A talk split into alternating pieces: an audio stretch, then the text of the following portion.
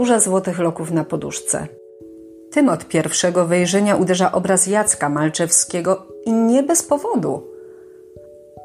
Leżąca na łóżku kobieta wręcz tonie w świetle. Oślepiający blask bije z jej nocnej sukni, z jej włosów, z jej twarzy. Spójrzcie na nią. Właśnie tak maluje się anioły, zwłaszcza te upadłe. Jacek Malczewski najpiękniejszy trup w historii malarstwa.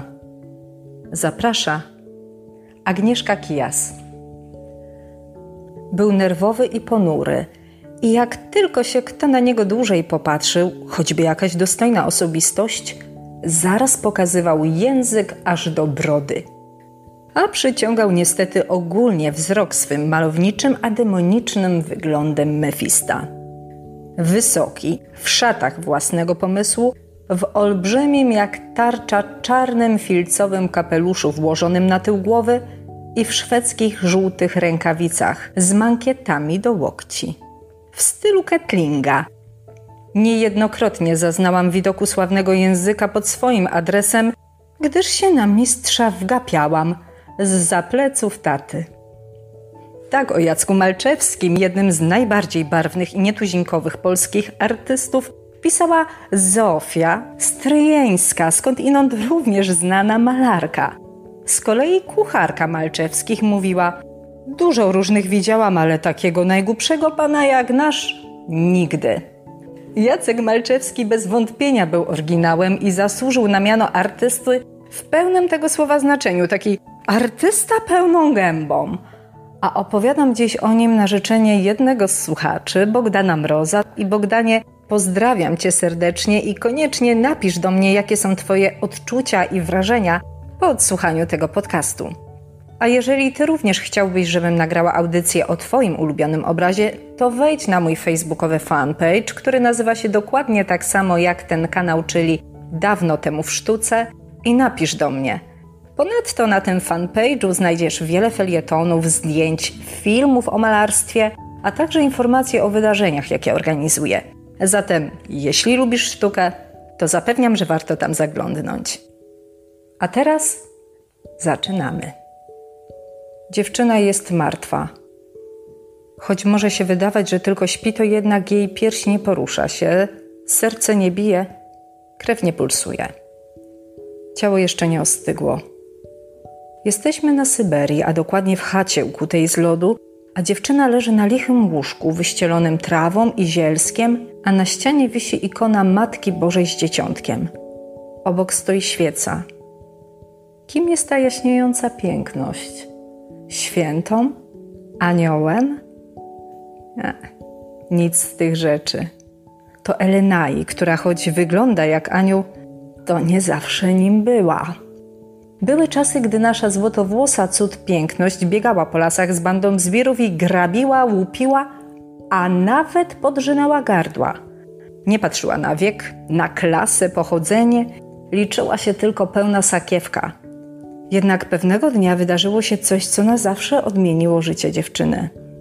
Widziała, jak jej pobratymcy zadali śmiertelny cios wielkiemu czarodziejowi, który podróżował razem ze swoim uczniem, Angelim, ten czarodziej miał niezwykłą moc. Był boskim posłańcem i umiał czynić cuda w imieniu samego Pana.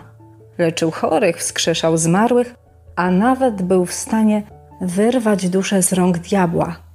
Takie cuda dziwy. I właśnie wtedy też zdarzył się cud.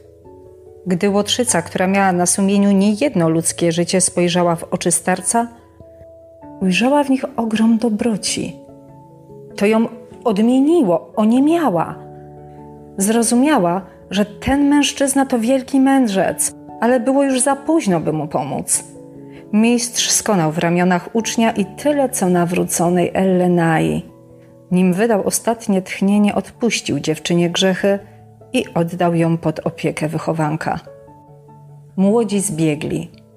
Schronienie znaleźli w syberyjskich lasach i zamieszkali w chacie ukutej z lodu, i z każdym dniem stawali się sobie coraz bliżsi. Ona, cierpiąca za grzechy pokutnica, i on, pogrobowiec, urodzony po śmierci swojego ojca. Na wygnaniu Ellenai wypiękniała i to nie tylko na zewnątrz, bo zmiany zaszły również w jej duszy. Mroczna przeszłość nie dawała jednak o sobie zapomnieć. Każdej nocy dziewczynę nawiedzały koszmary. Widziała twarze swoich ofiar, niemal słyszała ich krzyki i błagania o pomoc. To ją zabiło. A był zachód słońca, albowiem od niejakiego czasu zaczęły się noce w ziemi sybirskiej i słońce coraz dłużej zostawało pod ziemią. Obróciwszy więc ku Anhellemu szafirowe oczy zalane łzami wielkimi, rzekła Elenai. Umiłowałam ciebie, bracie mój, i opuszczam. Tak, odeszła. Nie śmiał więc Anhelli ruszyć ciała umarłej ani złożyć rąk, które były wyciągnięte, lecz usiadłszy na końcu łoża, płakał. To oczywiście cytat, a odczytał go dla nas Marcin Godzik, wieloletni redaktor i prezenter radiowy. Marcinie, dziękuję. A kto napisał te słowa? Tego jeszcze Wam nie powiem. Wróćmy do obrazu. Tu liczy się tylko światło. Wszystko inne jest, delikatnie mówiąc, zbędne, nieistotne, wręcz nic nie warte. Dejmy na to wisząca nad łóżkiem ikona. Ona jest ledwie muśnięta promieniem, ale za to różaniec, no.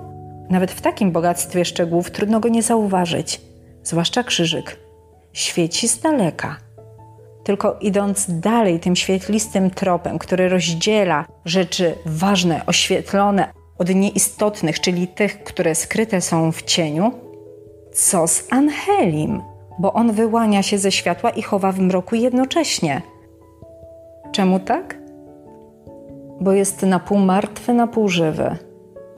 Chyba tak wygląda człowiek, który stracił wszystko. Kiedy nocą złe demony przyszły po duszę dziewczyny, nie sięgnęły jej. Oślepił ich blask. Ten sam, który oślepia każdego, kto patrzy na obraz Jacka Malczewskiego. A może to blask syberyjskich białych nocy? Hmm? Kto wie? Po więcej odsyłam do Słowackiego. To jego historia, a konkretnie poemat zatytułowany Angelli. I to właśnie fragmenty tego tekstu były wcześniej cytowane. Słowacki całą swoją uwagę i narrację skupia właśnie na tytułowym bohaterze, na Angelim, a Ellenai to ledwie epizod. Niemniej Malczewskiemu to wystarczyło. Namalował kilka wersji śmierci Elenai, a tę, o której mówię obecnie, można zobaczyć w Krakowie, w Muzeum Narodowym, które mieści się w Sukiennicach. Trzeba wyjść po schodkach na pięterko i proszę mi wierzyć, że warto tam zaglądnąć, by zobaczyć łajdaczkę przemienioną w anioła. Przypomnę, że ta audycja powstała na życzenie jednego z słuchaczy, Bogdana Mroza, którego z tego miejsca Pięknie pozdrawiam. A jeżeli Ty również chcesz usłyszeć historię o Twoim ulubionym obrazie albo o artyście, który jest też Tobie szczególnie bliski, to nie ma nic prostszego. Napisz do mnie na dawno temu w sztuce, czyli na mój facebookowy fanpage i tam wyślij zgłoszenie swojego ulubionego obrazu. A teraz, przez tych kilka chwil, nie wracajmy jeszcze do rzeczywistości i posłuchajmy dźwięków Hani Derey, nastoletniej kompozytorki z Tychów, która gra na finał specjalnie dla Was. Do usłyszenia.